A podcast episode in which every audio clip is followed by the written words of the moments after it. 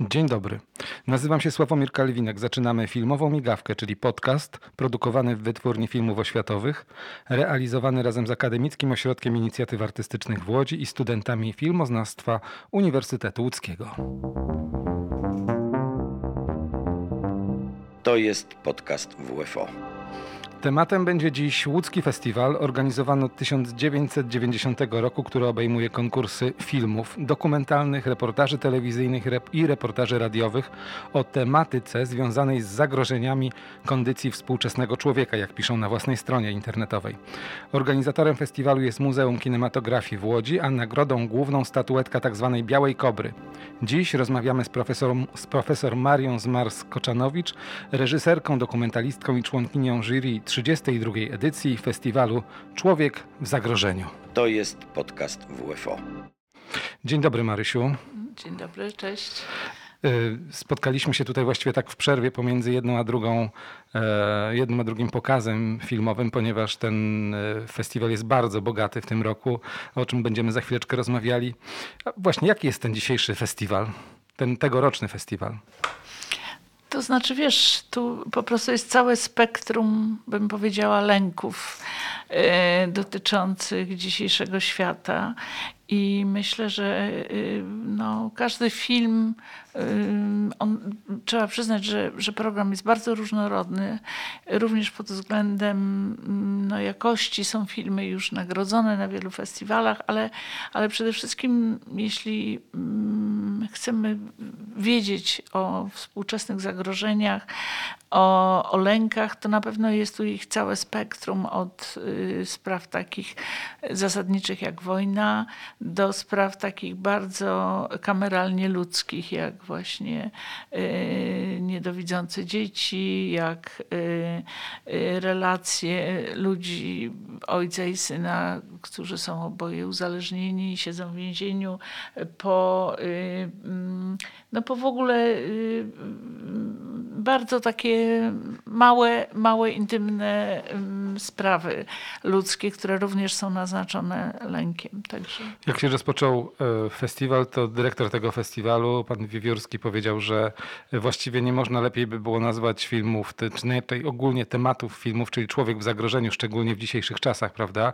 Czy jest jakaś tendencja, która się wyróżnia? To znaczy, czy są jakieś tendencje estetyczne, czy też związane z tematami filmów? Tutaj nawiązuję do tego wstępu przed festiwalem, przed pierwszą, e, przed pierwszą projekcją festiwalową. To znaczy, wiesz, jest oczywiście sporo filmów y, takiej, bym powiedziała, y, klasycznie pojmowanej mm, obserwacji kiedy kamera właściwie nie ingeruje, pokazuje bohaterów e, takimi, jakimi są w życiu, że właściwie e, jesteśmy jakby za szybą i uczestniczymy, e, uczestniczymy w, jej szybę, w ich życiu, ale są też filmy, które właściwie już zacierają różnice między fabułą a dokumentem. No jest jeden z tych filmów Silent Love, już nagrodzony wielokrotnie pana Marka Kozakiewicza, który na przykład właściwie ogląda się jak film fabularny. Jest upływ czasu, są bohaterowie, jest psychologia widoczna na ich, na ich twarzach i to jest y, i właściwie tak y, no, zadajemy sobie nagle pytanie, czy to jest czy to są prawdziwi ludzie, czy to są aktorzy. No więc y, tego typu filmów też tu jest trochę sporo, że tak na, nagle, jeśli mogę powiedzieć, że to jest pewna tendencja, takie zacieranie różnicy między dokumentem a fabułą, to na pewno coś takiego widzę w tych filmach. Byliśmy razem na wspólnym pokazie filmu, który inaugurował festiwal, czyli na filmu e, Syndrom Hamleta, jeżeli się nie mylę, i potem na spotkaniu z autorką tego filmu. I tam dla mnie było uderzające to, że mamy właściwie ustawienia kamery takie jak w filmie fabularnym. Oczywiście to są rzeczywiste przeżycia pokazywane na ekranie, ale, ale estetyka jest taka bardzo dopracowana, tak niemalże są kadrowane e, obrazy, żywe obrazy z ludzi.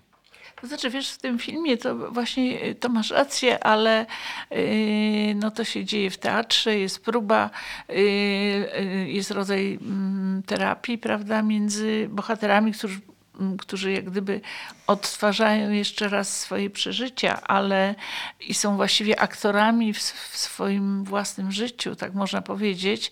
Y, I rzeczywiście y, to jest ciekawe i takie narzucające się, ale jeśli chodzi o ten film, to dla mnie, powiem Ci, najbardziej było uderzające, że reżyserka, pani Elwira Niewiera, powiedziała coś takiego, że ona właściwie już nie jest reżyserką, jest aktywistką, że zaangażowała się tak bardzo w sprawę wojny na Ukrainie, że właściwie zajmuje się głównie organizowaniem różnego rodzaju pomocy dla Ukraińców. I, mm, i, to, właśnie, i to jest dla mnie taki syndrom czasu, wiesz, że, że ona właściwie, dla niej już ten film oczywiście jest ważny, ale nie jest najważniejszy, że ta sprawa, którą film podejmuje, jest dla niej sto razy waż, ważniejsza.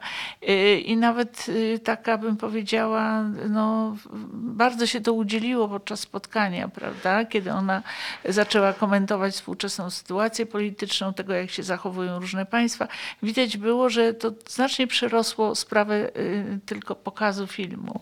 Powiedziała, że czuje misję, jeździ pokazuje ten film wszędzie, gdzie może, po to, żeby coś załatwić y, dla Ukrainy.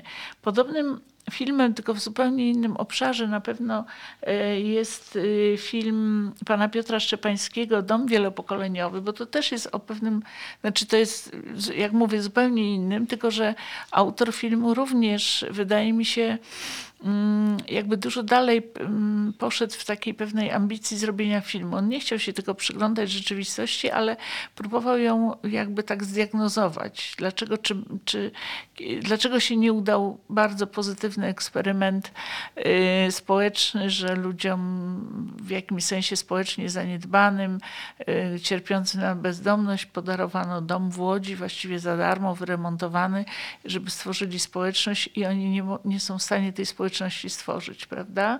I to jest, y, i też właśnie mówił wczoraj o tym, że właściwie nie może się z nimi rozstać, z tymi swoimi bohaterami, że jakby ciągle śledzi to, co ten eksperyment właściwie, do czego doprowadził i stara się z tego wysnuć jakąś, jakąś taką społeczną diagnozę, co się z nami dzieje, nami Polakami, dlaczego tacy jesteśmy. Więc mm, tutaj też mam wrażenie, że że u podłoża takiego, raczej takiej postawy reżysera jest jakiś rodzaj aktywi, aktywizmu. I, i, I to jest coś nowego, co ja właściwie widzę w pewnej, nawet nie w estetyce filmu, ale w pewnej postawie ludzi, którzy film tworzą.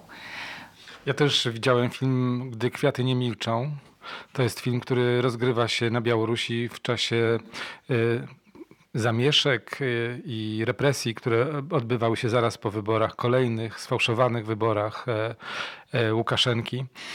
I tam właściwie ci, którzy robią film, można powiedzieć, że nie tylko kibicują protestantom, protestującym, ale właściwie oni są na tym proteście, oni w tym uczestniczą. To jest wstrząsający film. Tak który jest tak blisko bohaterom, że tu jest, y, mimo że klasycznie zrobiony, wspaniała jest ta obserwacja, prawda, y, to Andrzej Kuciła y, jakby no jest tak blisko bohaterów, że właściwie my, my jesteśmy blisko ich spraw, jesteśmy nawet blisko ich, ich siniaków po pobiciach, tego ich płaczu, ich emocji.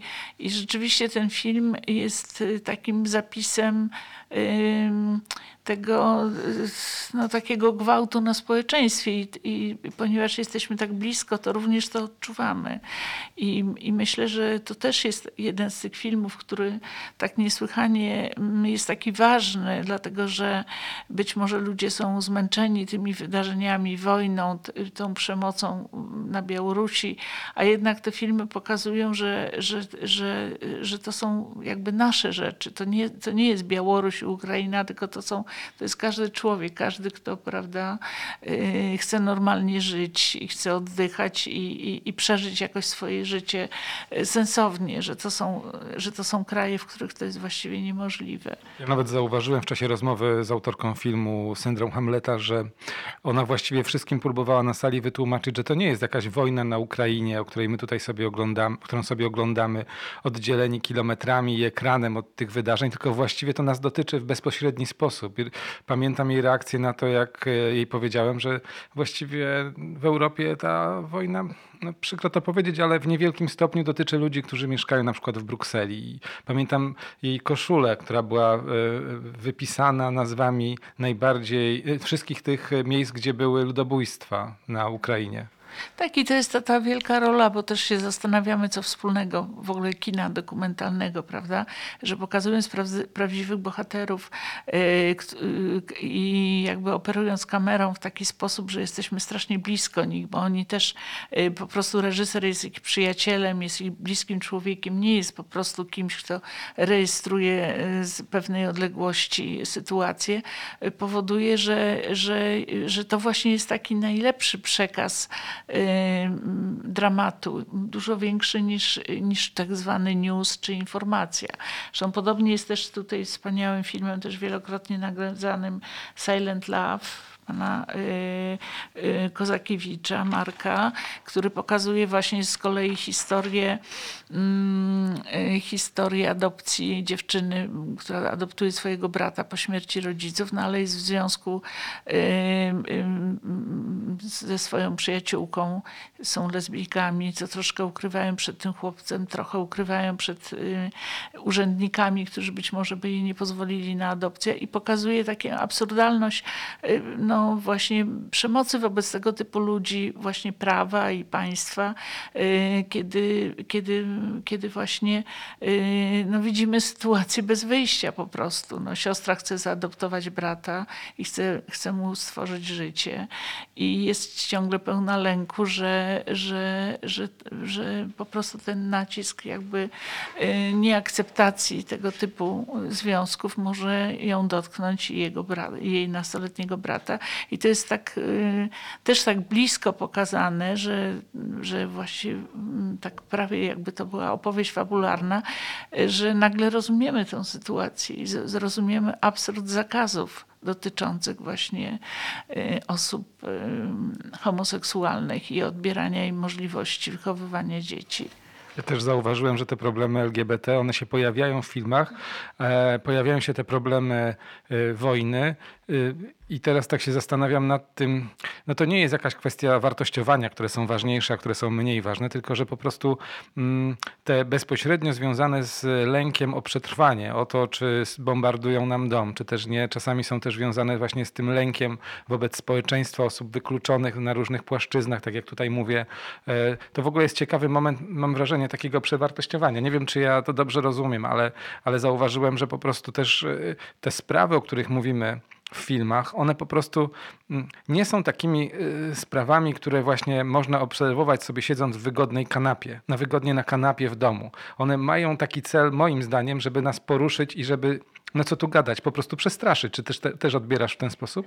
To jest raczej pokazanie takiej z, z, bliska sytuacji bez wyjścia, wiesz, w których nie, nie ma gdzie uciec. Przed światem, przed życiem, wiesz, przed, przed lękiem. I, i mm, film daje tą możliwość, że my nagle to wchodzimy bardzo blisko i po prostu nie możemy z tego wyjść, nie możemy się odwrócić tyłem albo, albo tak się zdystansować. I to właśnie yy, to daje to, ta współczesna nawet technika, wiesz, rejestracji, że możesz być operatorem i, i, i reżyserem i właściwie nagrywać dźwięki i tak naprawdę y, po prostu Twoja obecność z ludźmi i taki współczujący stosunek do ich sytuacji pozwala y, no, na relacje z życia, y, które, które, które jak mówię, no, pozwala nam to przeżyć zwyczajnie. My za chwileczkę wrócimy do tematu festiwalu Człowiek w Zagrożeniu, ale teraz e, krótka przerwa na informacje o tym, gdzie możecie Państwo słuchać naszych podcastów.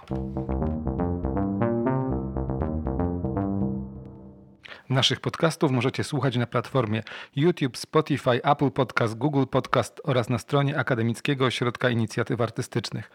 Odnośniki znajdziecie Państwo na stronie wfo.com.pl łamane podcast lub w opisie odcinka. Zapraszamy do subskrybowania i słuchania naszych produkcji. A my wracamy do profesor Marii Zmarsko-Czanowicz, członkini jury 32. Festiwalu Człowiek w Zagrożeniu, który właśnie teraz odbywa się w Łodzi, na który to festiwal oczywiście Państwa zapraszamy. I wracamy do rozmowy o tym festiwalu i o filmach, które tam są prezentowane. Wśród filmów są też e, prace debiutantów, e, na przykład naszego wspólnego byłego studenta Kuby Gomułki.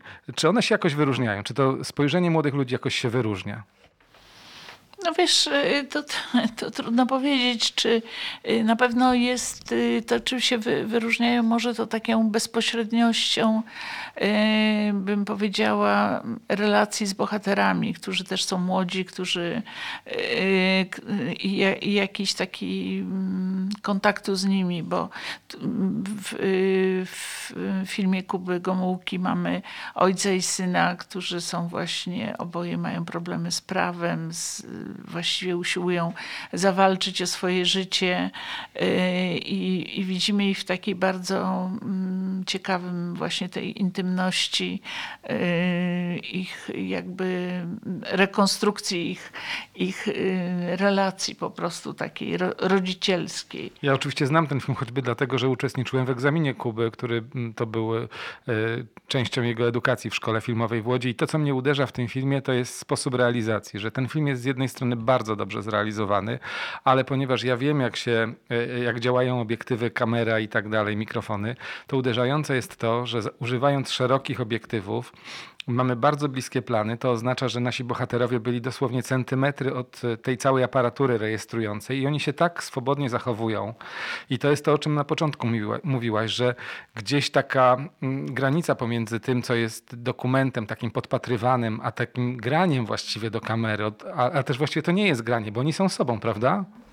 Nie, nie, to na pewno, że to jest właśnie, to w tym filmie jest y, takie zdumiewające, że, że zarówno ojciec, jak i syn w ogóle nie czują kamery. To znaczy przeżywają swój, swoje emocje tak, jak gdybyśmy byli obok, niewidzialnie, y, w bardzo intymnych rozmowach i, i to jest duża wartość tego filmu. Zresztą y, chyba też bardzo młodym człowiekiem jest też autor Silent Love, Love Marek Kozakiewicz, który jest, zdaje się, absolwentem Wydziału Operatorskiego naszej szkoły i tu jest podobna, podobna y, też y, sytuacja, że jesteśmy niesłychanie blisko tych bohaterów. Także z tym, że no, to akurat nie jest tylko wyznacznik jakby naszych studentów, bo równie y, takim wspaniałym mm, filmem jest y, film już, y, można powiedzieć, klasyka dokumentu Lidii Dudy, czy klasyczki, używając feminitywów filmu dokumentalnego Pisklaki, gdzie widzimy dzieci niedowidzące i ich pewną, i ich taki, mm, no tą bezradność, ale równocześnie rodzaj takiej solidarności tych małych dzieci, które są w opresji, niedowidzą, są w jakiejś sytuacji, y, kiedy muszą, zaczynają swoje życie. I to jest, a tam akurat robił jedną z operatorek, była nasza y, studentka Zuza Zachara, prawda, y, która rzeczywiście kamera jest, podpatruje każdy szczegół emocji, bym powiedziała i to jest takie niezwykłe w tym filmie. Także jesteśmy z tymi dziećmi, przeżywamy kawałek e, godziny tego filmu. E, teraz takie pytanie trochę prowokacyjne. Twoim zdaniem, który film wygra? Wiesz, nie wiem, bo ja jeszcze nie rozmawiałam z członkami jury, wiesz, ja tak y, na razie sama sobie, y, wiesz, myślę, zastanawiam się, co będzie tu kryterium, wiesz, czy to będzie sztuka filmowa, jakiś rodzaj kompozycji, zdjęć, czy też oryginalności tematów, czy też aktualności tematów, no bo to jest tu rozmawialiśmy chwilę przed audycją, to jest prawda, zupełnie co innego. Są filmy, które może i są szybko zrobione, pospiesznie i, i bardzo nawiązują kontakt z publicznością. Są takie, które są bardzo wyrafinowane. Tu jest na pewno jeden z tych bardzo wyrafinowanych y, filmów jest film Zuzanny Solakiewicz pod tytułem Ziemia. To jest bardzo taki film, bym powiedziała, artystyczny i y, no jest pytanie, na ile, na ile on łapie kontakt z publicznością i, czy, i co będzie głównym kryterium obrad jury. Tego jeszcze nie wiem. Zastan będziemy jutro się nad tym zastanawiać. Ale ty już masz swoje, swoich faworytów. No. Wiesz co, mam faworytów, ale jak nie mam, znaczy nie mam tak, wiesz, jeden film, mam przynajmniej cztery, które, które na mnie takie duże wrażenie zrobiły i, i one są takie równorzędne, wiesz. Nie, nie, nie mam, mm, po prostu w tym roku chyba są bardzo dobre filmy.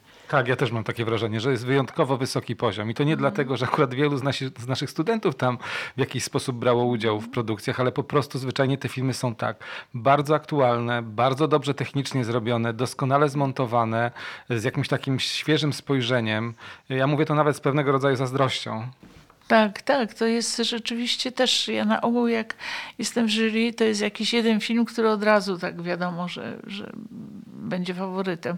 Tu jest, tu będzie problem, także tu się musimy na coś umówić chyba z gremium naszym. A my już kończymy naszą rozmowę, która tym razem poświęcona była festiwalowi Człowiek w Zagrożeniu. Dziękujemy naszej rozmówczyni Marii Zmarskoczanowicz, mojej koleżanki, z którą prowadzę zajęcia w Szkole no Filmowej w Łodzi. Stąd tak dużo tego było tutaj, tak dużo poruszaliśmy, tak dużo nazwisk i, i, tematów związanych ze Szkołą Filmową w Łodzi. E, dziękuję Ci serdecznie za rozmowę. Dzięki. To był podcast Filmowa Migawka.